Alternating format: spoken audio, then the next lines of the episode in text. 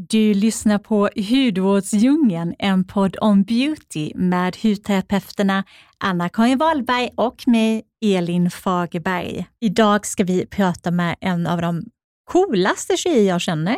Ja, så smart, intelligent, ja, lite samma sak, Ja. snygg, härlig.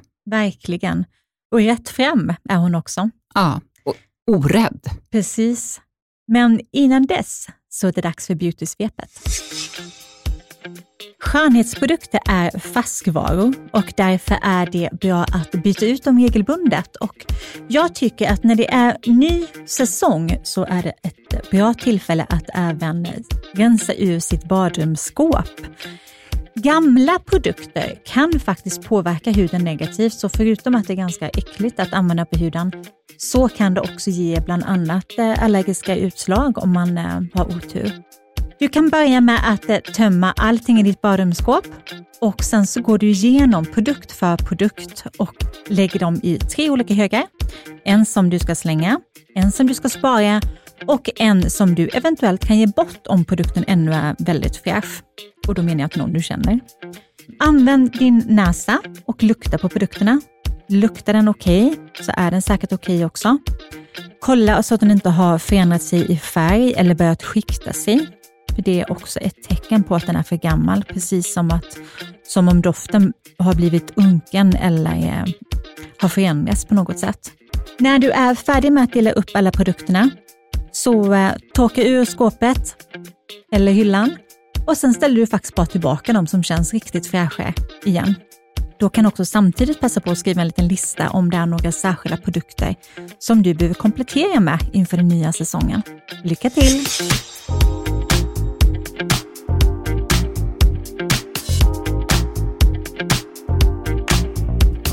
En kvinna med skinn på näsan som får oss att skratta högt, men även att tänka till. Modig, smart och snygg influencer med ett stort intresse för beauty. Hon har åkt från textilstaden och sina sociala medier hit till oss i studion. Välkommen till Hudvårdsdjungeln, Samira Ismail. Hej, tack så mycket. Wow, vilken introduktion. Ja, det var du så värd. Ja, tack. Ja, nu undrar vi, du jobbar ju som webbdesigner. Vad innebär det?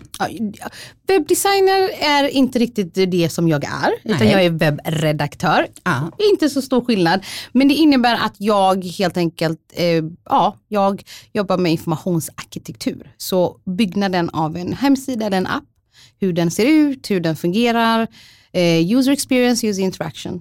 Så att jag kan säga att på höger sida ska vi ha knappen, på vänster sida ska vi ha det här och jag kan också förklara varför den ska vara på höger sida. Så att jag kan leda ett helt team att skapa en plattform som funkar för människor. Wow, Mm. spännande. Mm. Men något helt annat är ju ditt intresse för skönhet. När startade det? Jag tror eh, intresse för skönhet startade som vem som helst eh, när man var väldigt ung och såg andra människor och tänkte det där, så gör man, så där gör man. Så testar man sig fram till man hittar det man tycker om. Men det har ju blivit mer av ett yrke för mig, alltså när jag blev äldre, där jag ville visa andra människor det jag har lärt mig själv. Jag tänker också att du skapar ju så mycket olika luckor hela tiden. Har du någon look som du ofta återkommer till? Har jag någon favoritlook? Det beror på. Det, jag hade en ett tag när jag hade en av mina peruker som jag inte har längre. För jag har inte ens att ge bort dem när jag är trött på dem.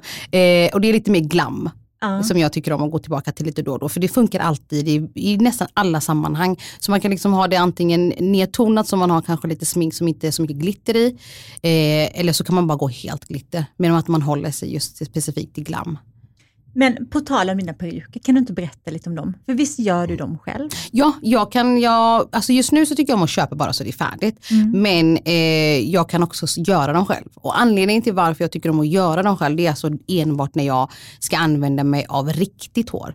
Eh, då tycker jag om att skapa själv för då kan jag köpa håret själv. För jag har liksom lärt mig under tiden, för innan så kunde jag köpa liksom folk som har gjort hår som, har, som är äkta. Men jag har lärt mig under tiden att det, det är inte så bra. Eh, det är, kommer inte från bra ställen, det kommer inte håret, man vet inte var den kommer ifrån.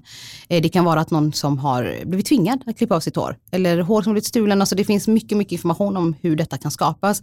Men om jag kan göra mina peruker själv då kan jag gå och hämta informationen och vara 100% säker på att håret som jag har köpt nu is ethically sourced. Alltså de har hämtat in den på ett specifikt sätt. Personerna som har valt att klippa av sig håret får rätt betalt och de vill göra det här. Och därför. Så när jag har peruker hemma som är färdiga, då är de inte riktiga, utan de är eh, syntetiska. Mm. Men hur hittar du hår som är etiskt? Då får, du, då får du hitta återförsäljarna som faktiskt finns online. Mm. Eh, du kan tyvärr inte hitta dem på de här plattformarna som man normalt går till, utan man får gå igenom andra kanaler, andra människor som har köpt och sen direkt kontakt med de som faktiskt säljer och säger okej, okay, I'm looking for ethically sourced. Du kan actually få, faktiskt googla fram det här eh, ethically sourced hair och så kommer det fram. Mm. Mm. Liten risk nu att det kommer få nytt fråga om det här på Instagram. Ja, jag. Men, men, men, otroligt intressant information. Jag hade faktiskt ingen aning. Nej, det är inte jag heller tills jag lärde mig att oj, aha, nej, oh, det visste jag inte. Så nu när man har fått lära sig så öppnade ögonen. Mm. mm. När du gör egna, hur gör man dem? Ja du, man behöver en kappa. Börja därifrån. Mm. Och sen ska du bestämma om du ska ha liksom en hel peruk eller en halv eller bara liksom, det beror på vilken stil du vill ha. Så jag brukar faktiskt hämta inspiration från andra människor online på deras hår och tänka okej okay, det var väldigt snyggt. Jag ska se om jag kan liksom köpa hår, om jag behöver färga det eller om jag ska ha det som det är eller köpa det redan färgat. Och från där skapar jag looken och sen bygger upp den till det jag vill ha. Och en kappa det är själva botten på det är den, botten på den. man fäster håret Precis. Mm. Mm. Så man har en liten dockhuvud hemma som man sätter den på. Och så börjar man sy in det för hand. Man kan också sy med maskin men jag har inte, jag har inte lärt mig hur man syr med maskinen. Men jag syr för hand och det kan ta lite tid. Men det, det är värt det för då vet du att det här är någonting jag har skapat själv, ingen annan har den här. Och du vet precis ja, men att, att det är ens eget verk? Ja, och det är skapat för mitt huvud. Så mm. den sitter perfekt på mitt huvud. Mm. Alltså det låter ju som ett riktigt, riktigt hantverk. Mm. Ja, det är det, alltså de som ja. verkligen har detta som yrke, de är ju otroliga. Ja. Otroliga. Jag tänkte också på lite andra grejer, att du har så mycket härliga åsikter och eh, får oss ofta att tänka till om olika saker. Mm. Jag tänker på mycket med makeup och samhällspåverkan. Jag var på en middag för några veckor sedan och satt och pratade med mina vänner om smink och feminism mm. i kombination. Och sen sa min kompis Ola en väldigt, väldigt bra sak. Eh, han sa så här, från tv-serien Glow pratade vi om då. Mm. Har du sett den? Ja. ja den är fantastisk. Mm. Men han tog Glow som ett exempel och det är en serie på Netflix. Och han sa så att smink i den serien är en markör för frihet. Och jag håller verkligen med om det. Ja. Hur ser du på det? Hur ser du på smink? Är det någonting du använder i samhällspåverkan också? Ja, alltså jag trodde inte jag gjorde det. Men jag har fått höra från andra människor att jag, hela mitt alltså, hela min eh, kanal just nu, alla mina kanaler, är eh, smink för politik har jag fått höra saker, folk säga. Jag har till och med sett det i tidningar och tänkte, ja det visste jag faktiskt inte om. Men det är ju det. För det finns ju så många aspekter när det kommer till smink över att inte bara hur du sminkar dig eller vilket smink du väljer, men också vem, vems märke du väljer att använda. För där har du också liksom ett samhällssak över, vill jag eh, köpa smink från det här märket som jag vet eh, kanske inte är etiskt när det kommer till eh, med djuren eller vill jag ha det här som jag vet att de kanske inte är så bra för eh, POC-människor, alltså person of color. Så det också, blir också politik i det. Och sen så kan man också komma in i aspekten över att du har kanske folk som väljer att använda smink där de eh, gör blackfishing eller sådana saker. Så det, det, på alla möjliga sätt så finns det ett sätt för det att använda eh, sminket som hur gör du för att eh, ta reda på vilka märken som är mest etiska och som känns bra i ja, målgruppen? Ja, jag söker upp information. Eh, mm. speciellt om det är ett märke som jag inte känner till från innan och jag får nys om dem, hör om dem eller de kontaktar mig själva. Det första jag gör är att jag går in till deras egna profiler för att kolla hur ser den ut, vad är det de lägger ut, vad är det de gör och sen så stöker jag mig vidare till andra, liksom, kanske Google eller YouTube eller någonting för att höra vad andra har att säga. Och får jag ny information därifrån då vill jag faktiskt hitta en artikel som jag kan säga det här är källkritiskt, det här är rätt information och därifrån tar jag det. Så det är inte bara att någon kontaktar mig och säger ja men självklart jag arbetar med er. Men jag vill, mm, nej, nej. Jag tror jag har kommit lite längre än det att jag kollar upp vilken ni är först. Underbart. Ja, så bra. Mm. En fråga, är det något speciellt märke som du gillar extra mycket när det gäller makeup? När det gäller makeup? Eller några? Ja, jag har fastnat alltså ganska länge nu. Det här är ett märke som det här är en av de foundation, alltså sminken som är nästan slut. För det är inte så ofta foundation tar slut hos mig. för att när jag väl får testa produkter så får jag alla, alla, alla mörka färgerna. Men Tarte är en som jag, jag har jättelite kvar av Tarte. Och jag tänker, hur är det möjligt av alla foundations, jag väljer alltid olika varje dag, att det, det är den som jag fastnat för. Funkar bra, jag har ju väldigt fet hy, så att jag väljer också foundation som inte har för mycket liksom, oljeresurser i för att det kommer bara rinna av ansiktet. Såklart. Mm. Så att det, de har jag fastnat lite extra för just nu. Det känns ju som att det här, fler märken äntligen har börjat komma igång och göra bredare ett bredare sortiment av nyanser av foundation. Ja. vet, när jag började som hudterapeut, eller som makeupartist egentligen, så var, var det ju jättesvårt att hitta foundation för melaninrik hud som inte såg röd ut ja. och som inte såg grådassig ut. Mm. Ja, ja, precis. Det fanns ju tre färger de man alltid hade. Det var ju röd, som röd underton, så har det lite gulaktigt och så grå. Ja. Det fanns liksom ingenting däremellan. Eh, det, var som, det kändes nästan, nästan som att det var en eftertanke. Att oj, vi har gjort alla de här färgerna men vi glömde mörka. Låt oss ta de här tre. Ja. Jättebra. Men nu så känns det som att folk verkligen förstår vad en underton är när det kommer till melaninrik hud. Och det, det är jätteskönt att se. Mm. Och när, när hände det på marknaden? Är det ett par år sedan nu eller? Alltså det känns som att eh, kanske var de sista fyra åren. Mm. Jag tror att vi började se mer och mer om det när Fenty kom ut. Eh, att det blev en sån stor grej och folk förstod att åh, här finns det tydligen väldigt mycket att göra. Låt oss se vad vi kan också göra. Ja, jag tror också att många insåg, oj, här fanns ju en målgrupp ja. plötsligt. Mm. väldigt, väldigt, stor, väldigt, väldigt, stor målgrupp. Ja, ja. Jättemärkligt. Surprise. Surprise, surprise. Så det är jättetrevligt att se.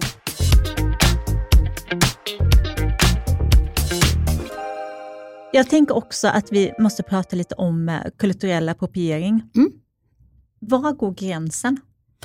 Jag brukar alltid säga att gränsen går mellan eh, culture appropriation och cultural eh, appreciation. Mm. För det är den som folk inte alltid pratar om. För det, det, jag tror det är där, där du måste hitta en balans. För att vi, när, jag säger, när jag pratar om culture eh, appropriation så är det alltid negativt. Att det är någonting som du tar en kultur och du tar över den och du ger ingen kritik eller credit tillbaka till där det kom ifrån. Men culture appreciation, det är att vi säger att jag har bjudit dig, min bror fyller år. Eh, och vi ska ha traditionella kläder på oss och jag säger snälla, här kan du gå på de här. Du kommer dit och du tar på dig kläderna och du är med på bröllopet och du dansar med oss och du är med på allt det här. Och det är i det sammanhanget som du är. You are appreciating it. Du älskar vår kultur, du är där. Men sen räcker det. Sen tar du kläderna, du lägger dem i väskan och så till nästa bröllop du ska på som är somalisk, eller du, du kan ha på dig det. Så det blir liksom inte en halloween-dräkt som du har på dig bara för att titta vad fint det här har jag, bla bla bla. Utan det är en appreciation. Jag gillar din kultur, därför tycker jag om att göra det här. Och jag tror det blir ganska känsligt för att det är det blir det här med att du, det här är jag, det har alltid varit jag. Eh, jag har många år fått kritik för vem jag är eller hur jag ser ut eller det jag har på mig. Men nu har du tagit det. Du har på dig precis som jag gör och du pratar precis som jag gör men du blir hyllad för det. Och det är där tror jag det blir bitterhet. Eh, från, från, speciellt från personer som mig. För det är där jag tänker att, hur kan, okej, okay, ja, okej. Okay, mm. Det blir mm. lite sådär känsligt. Jag tänker på en upplevelse jag hade i somras när jag var på semester med min familj och vi var på ett eh, hotell i, eh, i södra Europa där de eh, erbjöd ja, men olika slags flätor, framförallt restaflätor för mm. barn. Mm. Mm. Och min åttaåriga dotter var ju så wow vad fint mamma, jag vill verkligen, verkligen ha det här. Det var flera andra barn som hade det där. Mm. Och, och jag kunde inte. Nej. Utan jag fick liksom prata bort det här på, på, på något, något sätt. sätt. Men det var ju väldigt svårt att förklara ja. varför hon inte fick det. För det var ju andra barn som, som hade det. det liksom. ja. mm. Men det tycker jag känns som ett sånt ganska givet exempel. Och samtidigt så tycker jag att det är jättesnyggt och det är det som blir en sån jobbig kontrast. För att jag vill ju jag själv mm, kunna ha ja, det på ett ja. sätt, men jag vill absolut inte kränka någon eller Nej. att någon ska till upp. Nej, och det jag tänker jag över när det kommer kanske till sådana saker som flätor, är ju att inte heller ta bort att eh, det finns andra människor som hade flätor. Det är ju mm. ett specifik fläta vi pratar om. Så det handlar inte om att man inte får fläta, för det är det som jag tror många eh, tänker att, ja, men vadå, vi, vi har också en gång i tiden fläta. Ja, men det är ett helt annat sätt att fläta på. Mm. Och det är ingenting som någon har tagit från er, det är ingenting som någon har sagt att det är bara vårat nu. Utan fläta på, men inte specifikt så här. För när man lär sig varför de här sakerna har varit så viktiga. Då vill, man, då vill man nästan inte ha någonting med dem att göra. Så det finns det med flattor för mig som jag bara känner att jag vill inte för det är så mycket trauma baserat till det. Det är så mycket, du vet de hade vissa flattor, flattor på ett specifikt sätt som man kunde gömma pengar i, man kunde gömma mat i, när folk flydde från slaveri och andra saker. Och jag känner liksom nej det är inte riktigt, det är inte för mig. Jag vill inte, det här är något som jag tycker är snyggt, jag vill inte tänka på det. Mm. Så då vill man inte. Så det finns ju, finns saker. Eh, men också ta din kultur Gör en sak av din kultur och älska din kultur istället för att sänka, jag ska ta den här kulturen istället. Det är den delen. Så, så, ja, så bra förklarat ja. tycker jag. Tydligt och klart. Ja, Men du, nu hoppar vi över till ett helt annat ämne. Mm. Hur ser din hudvårdsrutin ut? Oh, ja, okej. Okay. jag och min hy. Hur lång tid ja, har du på dig? Ja, ja, nej, men jag har ju som sagt, jag har väldigt fet hy. Eh, och det är liksom inte att det, jag är lite fet här utan det är hela mitt ansikte. Så att jag använder ju många produkter som är dämpande när det kommer till liksom oljor på det sättet. Men någonting som jag varje dag talar om för folk när det kommer till fet hy är, bara för att du har fet hy betyder inte att du, behöver, du inte behöver återfuktning.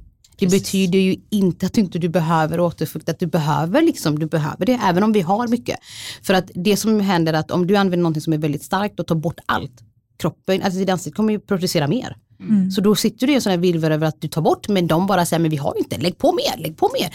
Så det är den delen som jag alltid går in och pratar, speciellt på plattformar som TikTok där vi har lite yngre människor mm. som säger att jag är jättefet och jag har använt mig, alltså några saker som nästan liknar aceton. Mm. Och jag har tänkt, du förstår att du bara går runt för att din kropp säger du har ingen, producera mer och du mm. lägger på. Och, så, så att jag väljer eh, produkter som är dämpande men fortfarande återfuktande. Men även om jag har väldigt fet hy så har jag väldigt känslig hy.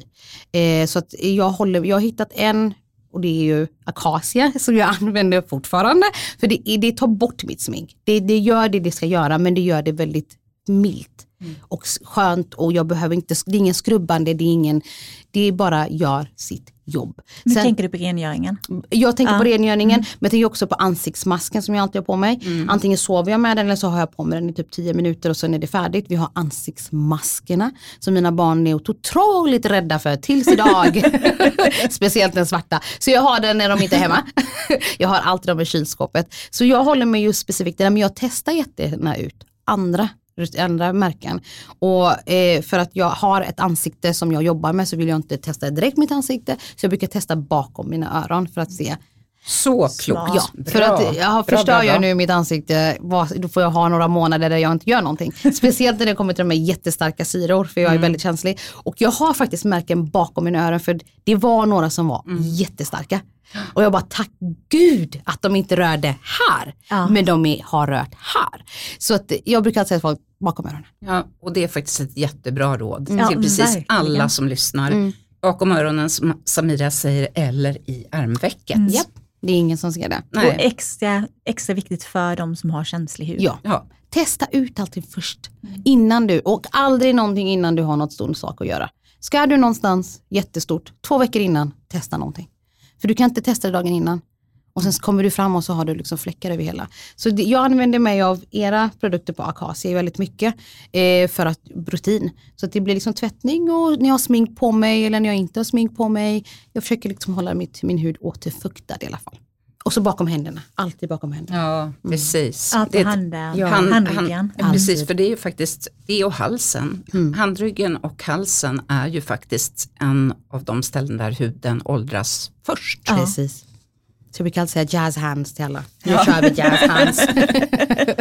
Så, det är det, ja, så det är det vad jag gör. Mer än det, jag kan inte säga att jag gör något mer. Och jag är väldigt ärlig när det kommer till folk som kommer till mig med råd om hudvård. Är att jag har ingen, alltså jag hatar det här termen av problemhy. Mm. För jag tycker inte att någon har problem. Men jag har inte de sakerna. Så jag säger, det här är vad jag gör. Och även om jag inte gjorde, hade jag haft något, vet, ingenting kommer hända. För att min hud är som den är. Mm. Eh, så jag brukar alltid leda dem till någon annan ställe och säga, här har vi någon som är mycket, mycket, mycket bättre och kan faktiskt detta på riktigt. För de själva har haft det här. Där tycker jag det ska vara. Men, men hur gör du? Går du till en hudterapeut regelbundet eller sköter du din hudvårdsrutin helt på egen hand? Jag sköter ganska mycket själv. Eh, jag gör inga behandlingar och det är ingenting som jag rekommenderar heller, att göra behandlingar hemma. Eh, Gud, för guds skull, sluta allihopa, Mm. ni som håller på. det går inte. Jag blir så, jag blir, jag får panik när jag ser folk. Eh, men jag, har, jag brukar testa ut, jag har vänner som, har, eh, som är hudterapeuter. Så jag tänker, men jag går och provar. Och då provar jag och ja, det är fint och sådär. Och jag kan komma tillbaka någon annan gång sådär. Men jag, går, jag har ingen liksom, regelbunden ställe som jag går och gör någonting. Nej. Nej. Men har du testat någon behandling någon gång som var riktigt dålig? Eh, det var någon, alltså det här var, inte, det här var in, inför eh, någon som ville samarbeta med mig. Och jag tror att behandlingen heter P, PPR eller något sånt. Jag minns inte exakt vad det hette. Det var för att lyfta, jag vill ju, jag tänkte på det ganska länge att jag vill lyfta lite runt ögonen. För ju äldre jag blir ju mer liksom jag får all hud runt ögonen faller. Och då var det liksom istället att gå direkt in till liksom botox eller fillers eller dra upp eller alltså, testa ut det här. Och eftersom att det, de använder sig av en, liksom en liten maskin som blir varm och liksom ska ge det ett litet märke på ansiktet. Jag vet inte riktigt hur man ska förklara Ja, som det. bränner. Som och sen bränner. Sen drar huden ihop sig kan man säga, vilket gör att den stramas upp. Ja. Mm. Och då skulle det liksom läggas runt mina ögon. Men då sa jag direkt att jag, eftersom att jag är mörkhyad eh, så har jag också en tendens att få, vad heter det på svenska? Koli- Keloider. Keloider, där har vi Ja, det. För jag har just det, jag har ju haft kejsarsnitt och jag har ett jättestort där. Så jag vet att jag har en tendens att få det. Min äldsta son har jättemycket, en Ja. liten sak och så puff så blir det. Så jag sa vi testar bakom öronen för vi kan inte bara gå direkt på. Och jag har fortfarande märket kvar tills idag. Ja. Och där, där tycker jag att Samira tar upp en väldigt viktig poäng. Att har du en melaninrik hud så ska du vara väldigt försiktig med vad du gör för behandling på salong.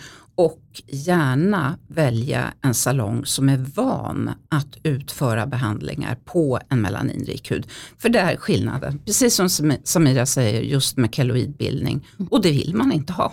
Det, Nej. det Nej. vill man verkligen inte, speciellt för att- inte i ansiktet. Nej. Och dekolletaget är också ett ställe som Precis. är otroligt utsatt och lätt att få keloider. Mm. Och, Och vi det- kan väl också säga att keloider är en typ av förtjockade ärr. Ja, Just det, det ska vi Och, förtydliga. ja, och, och sanning, alltså behandlingen för den är ju inte riktigt liksom en behandling utan man tar ju bort det för att hoppas på att det inte bildas en ny. Och det kan ju bildas en ny. Ja precis, jag tror att om keloiderna är väldigt ny och färsk så kan man eh, spruta in lite, alltså hos lä- en läkare som sprutar in lite lite kortison i själva ärrbildningen. Men är det en keloid som har suttit länge Mm. så, så är det eh, svårt. Ja, Mm. så att jag försöker alltid tänka, det är samma med syror. Ja. Att eh, du, kan få, du kan få hyperpigmentation. Ja. Och folk måste veta att det, det, det går, det finns. Det går, det är möjligt. Så hoppa inte in med, åh nu ska jag testa ut det här jättestarka, bla bla bla. Nej. Bara för att det står att det är organiskt eller vad. Nej, det spelar ingen roll. Utan kolla vad ingredienserna säger. Läs på. Otroligt viktigt. Mm. Ja, verkligen. Och testa bakom öronen. Ja, alltid. Ja. Sen måste jag hitta någon annan ställe nu bara för bakom mina öron. jag är färdiga nu. Alla, hur ser det ut där bakom? vad har hänt? ja. Ja. Men ändå inte så många som ser kanske. Nej, Nej. nej, och det är det som är bra. Mycket bra. Mm. Du testar ju många produkter också. Ja. Har du någon annan produkt du återkommer till? Eh, när det kommer till skönhet eller kommer till hudvård. Tänk egentligen både och, både hudvård och eh, även makeup. Alltså jag har, eh, jag har en liten rutin alltid. Att eh, på sommaren så kör jag väldigt mycket mineraler. Mm. Alltså när det kommer till puderform eller någonting för det är varmt. Eller så kör jag ingenting, det är bara hudvård för att det är för varmt om jag ska vara helt ärlig. Ibland får man vara utan. Och så på vintern så kanske vi kör lite mer Eh, foundation som är lite mer eh, fulltäckande. Men jag har också alla färger hemma för att det är någonting som jag aldrig tänker på. Eh, eller så har jag droppar också så man kan byta färgerna på produkterna som är flytande. Eh, och det är ju för att ibland så är det lite mer röd. Ibland är det gul, ibland är du bara liksom mer med så här. Då slipper man tänka att ah, men lägga en foundation som inte ser bra ut. För att du, du, du är en annan färg just nu. Eh, så det är sådana saker jag tänker på. Det kommer det kom också till vintern. Att jag kanske använder lite mer återfuktande eh, eh, tunga krämer på vintern än vad jag gör på sommaren.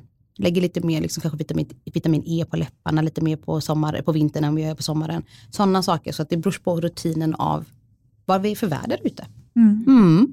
Väldigt klokt tycker jag. Men hur, vad har du för hårvårdsrutin? Oh, den är hård. Den är, den är stenhård. den ändrar vi inte på någonting. det är för att jag har, eh, jag har ju afrohår. Ja. Eh, och eh, om man kollar på den här skalan som jag tycker om att använda, men det är ingen riktig term som man egentligen använder, utan det här är ju någonting som jag tror det är Oprah Winfields eh, hårfrisör som slog den här termen på 90-talet där han la hårtyperna i en kategori av ettor till fyror och så emellan det har det bokstäver. Eh, så det är ingenting som man lär sig i skolan när det kommer till hår, utan det här är mer Oh, jag brukar alltid säga det så att folk inte går och letar upp det i böcker. så, eh, så ligger jag på treorna. Så jag är 3B, 3C. Och jag brukar säga fyra, men jag vågar inte gå dit för att jag får alltid höra att jag är ingen fyra. Och allt beror på hur ditt hår växer ut. Så om du är ettorna så, det, så växer det ut rakt. Och så kommer du till tvåorna så är det lite mer vågigt, vi går lite mot krulligt. Och treorna så har du lite mer större krullar. Mm. Eh, och sen så när du kommer till fyrorna så är det lite mer coily, så att det är mycket tajtare mm. krullar. Ja. Eh, så då har jag min rutin och då vet jag att det är oljor för mitt hår, det är inte krämer för det tynger ner. Eh, jag har en rutin av att på söndagar då kör vi ansiktsmask, hela kroppen tvättar vi. Och skrubbar sönder oss. och sen så är det också söndagar vi tvättar håret. Då är det rutinen av att schampo, Sen har vi en hårinpackning och jag kör varannan så det är varannan fukt och varannan protein. Ah, så, eh, så, att jag varierar emellan så inte det är för mycket. Sitter med det 10 minuter och sen är det balsam för att låsa alltihopa och sen så kommer oljorna in. Och that's it. Jag ändrar inte rutinen, den funkar jättebra. Men jag har ju också en tendens att bli trött på mitt hår. och när jag blir trött som jag är nu, då går jag rakt in till blond och sen så rakar jag, rakar jag av det och så börjar det börjar jag från början. Bara för att jag tycker att det är kul. Att jag vill vara blond men jag vet att det totalt förstör mitt hår. Men då kan jag bara raka av det sen och börja från början. Precis. Men om, om det blir underbar inställning. Ja, verkligen, helt så befriande. Mm. Men om du blir blond då, mm. om du bestämmer dig för det mm. och hur, hur lång tid tar det innan du känner wow, nu, nu är det verkligen förstört, nu åker det av. Alltså det, det är ju det, det, att det, det, det är en process att gå blond. Ja. Men eftersom att jag vet att jag ska raka av det, då tar jag inte den här processen som man bör göra för jag har ju svart hår. så då ska man egentligen göra det i veckovis. Att lite, lite, lite successivt. Nej men jag går, jag säger bara över en helg kör på. Hur blond kan vi gå?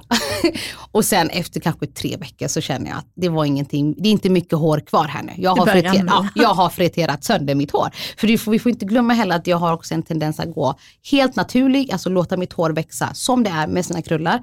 Och sen känner jag, orkar inte mer. Och då går jag och rakpermanentar det. Och det är också kemiskt. Mm. Och då går du direkt in i proteinen och så gör du den rak. Så den kommer aldrig bli krullig igen. Så även om jag vill ha tillbaka mina krullar just nu så måste jag raka av det från början ändå. Uh. Så då lägger jag ju blond på ett redan hår som är eh, har eh, på. Och då, två veckor. Uh. Sen, sen finns det inte mycket kvar. Men jag tänker hårbotten. Mm. När du berättar om de här starka behandlingarna så blir jag ja. som, som hudterapeut evigheters mm. evighet så blir jag ju rör orolig. All, jag rör aldrig. Nej. Jag rör aldrig hårbotten. Även Nej. när jag kör med rakpermanent så kör, rör jag aldrig hårbotten. Nej. För det är ju kemikalier. Ja men det var det jag tänkte. Väldigt farligt. Precis. Och vi gör inte de här sakerna heller när vi är typ gravida och sådana saker utan då, mm. låt det vara.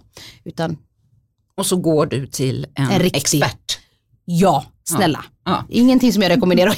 nej, nej, för det måste man också ja, tillägga. Usch ja, usch mm. ja. Mm. Självklarheter mm. kanske, men ja. kanske inte ändå. Mm.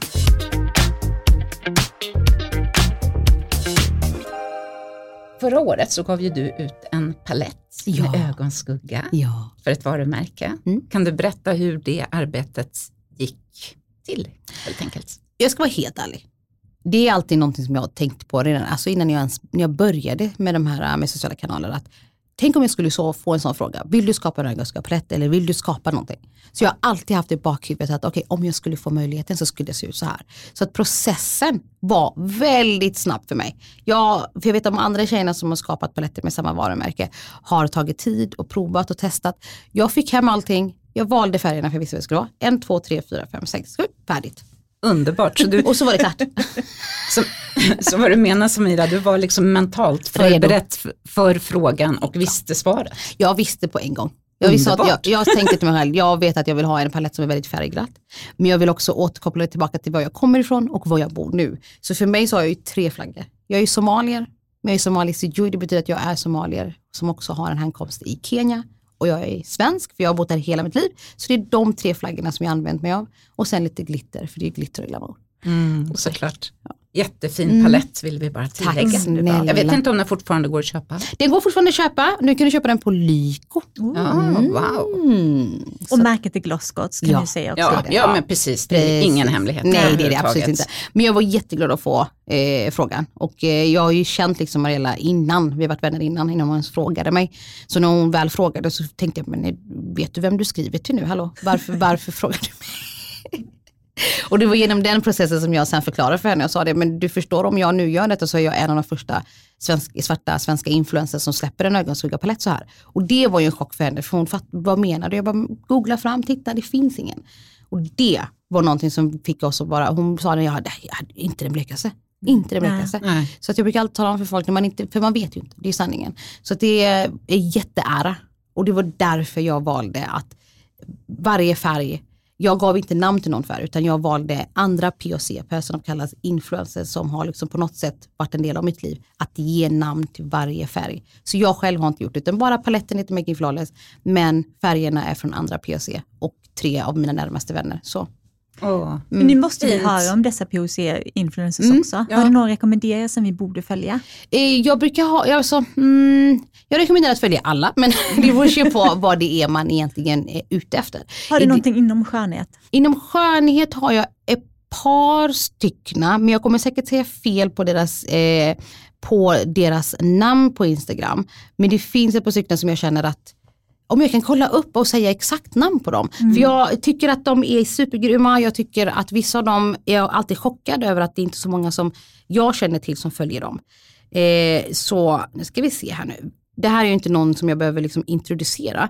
Men vi har ju liksom Momo som är hårfrisör och väldigt känd i många aspekter och extremt, extremt. Och jag träffade precis honom också nu. Ja, vad så, roligt. Ja, så det är ju någon som jag absolut, vi har ju Yankee till exempel. Eh, jag älskar att följa henne, jag älskar hennes content, hon är genuin i det hon gör. Men jag älskar faktumet att jag kan faktiskt referera folk till henne när folk frågar mig om melaninrik foundation eller sådana saker. Så brukar jag säga, du kan, jag kan visa dig det jag passar för mig, men jag tycker ni ska gå till Yankee för att hon har en djupare ton. Och hon kan faktiskt tala om för er ordentligt än att du kommer till mig. Så att jag tycker det är jätteviktigt att man refererar till rätt person. Än att jag sitter själv och liksom, ah, men jag tänkte också att jag kan ju också lägga upp alla de här på mig. Ja, men En absolut. sån här liten story, eh, alltså special story där. Ja, precis. På också hög highlight så kan ni hitta alla som jag rekommenderar. jätte- Eller hur? Det är ni superbra. liksom- ja, det är ännu Då bättre. får ni liksom en lista av de här människorna är supergrymma i med det här och det här och det här. Och vi kan också lägga upp det i eh, avsnittsbeskrivningen också. Jättebra. Precis, ja, men det gör vi. Där ni även kan hitta Samiras eh, Instagramkonto. Ja. Ja, och andra konton som ni kan följa henne på. Men eh, en annan liten fråga var att jag eh, har förstått att du har blivit tv-stjärna. Oh, wow. Nej men det säger ni inte. För det går nämligen ett tv-program där Samira syns. Ja. Kan du berätta lite? Ja det här är ju ett program som vi spelade in eh, alltså innan sommaren. Så det var våraktigt när vi spelade in den. Eh, och det heter IFS, Invandrare för svenska. Så det är ett spel på svenska för invandrare som man egentligen lär sig när man kommer till Sverige som nyanländ. Och det är en panelprogram så det är jag och andra komiker. Jag tycker det är väldigt eh, Ja, jag blir sådär, varför är jag inblandad i en komiker? Men jag fick frågan och jag sa ja. som sitter i panelen och vi har deltagare som är eh, svenskar, då, etniskt svenskar. Så vi ska säga olika saker, som- saker som vi har tagit med oss hit till Sverige. Eh, kulturer eller om det är sådana saker. Så ska de gissa sig till om detta är sant eller eller det falskt. Och de som har mest rätt är den som vinner helt enkelt. Så det är en komediaktig panel. Jättekul att spela in. Jättehärligt. Ja. Väldigt spännande. Och finns på SVT och SVT Play Ja, har vi förstått. precis. Så bra. Ja, ja. Men jag har faktiskt en hemlighet till er. Aha. Ja, är ni redo? Ja. Jag kan inte tala om exakt vem, var, hur, för jag är inte färdig. Men i somras så fick jag en frågan att komma och eh, provspela för en eh, serie som kommer gå på en av de här streamingtjänsterna. Och eh, när jag fick mejlet så såg jag bara alltså, streamingtjänstens namn och jag tänkte men ja, det är säkert för att jag inte betalat abonnemanget. så jag vägrade öppna det i typ tre dagar för det var helg och det regnade och vi skulle kolla på film. Jag tänkte nej, öppnar jag det så kommer de veta och då stänger de av tjänsten. Så när jag väl öppnade tänkte jag, men nu har jag, nu har jag fått betalt, nu kan jag betala. Och då såg jag att oj, det här var en förfrågan att komma och provspela för en av eh, huvudrollerna. Så jag var faktiskt här eh, två veckor sedan och, spela, och provspelade för den. Jag kan säga att det var kaos. Jag kan ju säga att det är någon som sitter och kollar på de här videorna och tänker herregud vad gör hon? Men jag gjorde det. De frågade om jag ville komma. Så jag hoppas innerligen att Åh, det är vi håller som... tummarna. Ja, ja. Annars, är det, annars ser ni säkert videon på YouTube där de bara tittar på den här dåren. Men hur kändes det? Det kändes jättebra att göra det. Men det är ju en helt annan sak än att sitta hemma själv. Där man spelar in och stänger av och börjar om och börjar om. Utan det här var ju, nu låtsas du att den dörren är din son och så låtsas du stolen är din dotter och så spela. Och då sitter man där, "Ah, okej, okej, okej. Så att det, men det gick bra. Jag hoppas det gick bra i alla fall. Så jag väntar på, på, på, på svar. Vad vi håller tummarna. Ja, vi håller verkligen Ja, det skulle vara helt fantastiskt. Eller hur? Ja.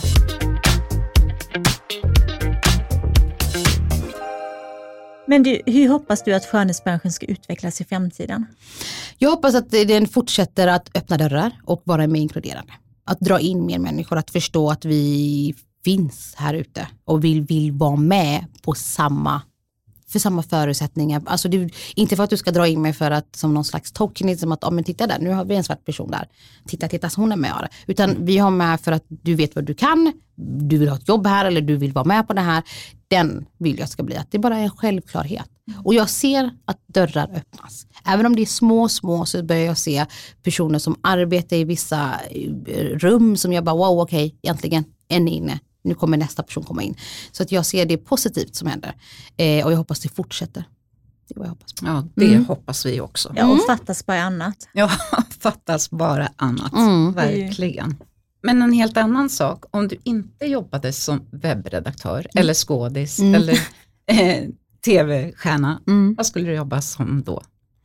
Eh, en sak som jag faktiskt saknar eh, att jobba med, Eh, för jag har jobbat med detta innan, jag har backat från lite som att jag har kommer mer och mer, liksom, jag syns mer på olika plattformar. Och det här är ett jobb som man måste vara ganska anonym på. Jag har ju jobbat med liksom kvinnor som är utsatta för våld i nära relation, eh, hedersrelaterad. Och jag har det är jättehemskt att säga det men jag älskar att arbeta med det. Det är inte för att jag tycker det är så kul att höra utan jag älskar att kunna ge råd, att kunna hjälpa och speciellt när det kommer till hedersrelaterat då pratar vi om kvinnor som kommer från andra kulturer.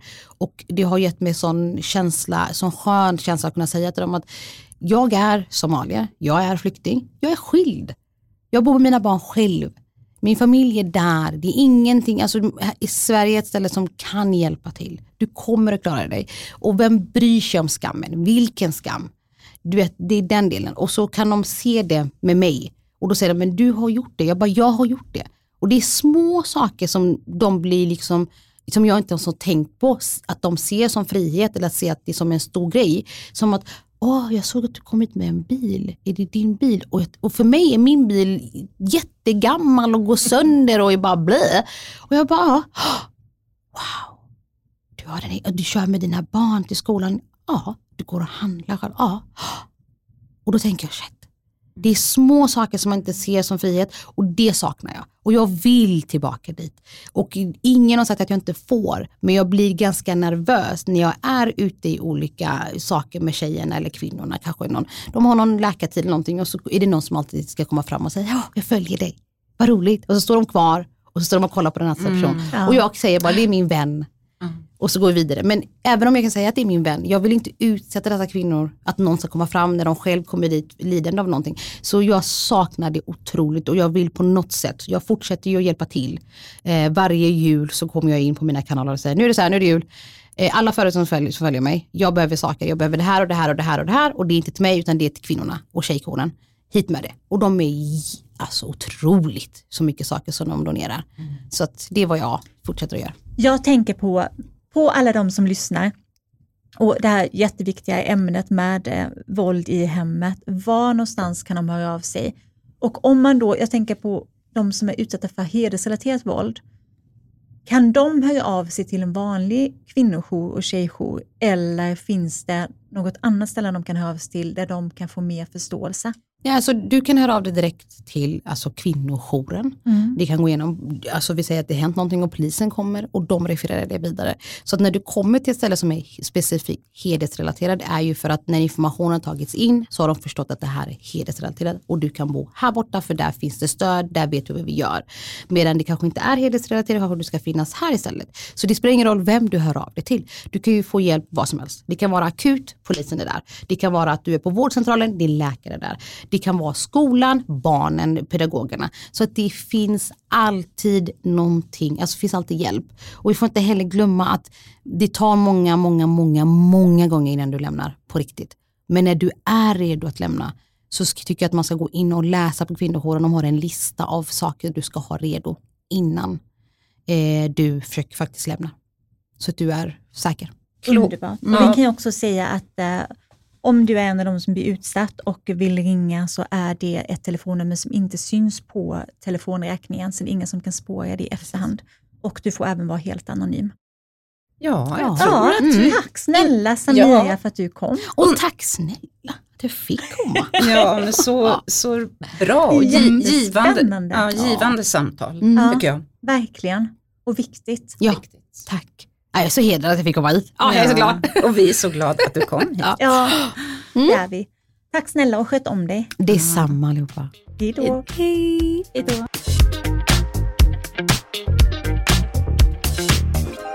Jag känner mig faktiskt helt tagen efter allting Samira pratade om. Att det var väldigt många tankeställare i ett och samma avsnitt.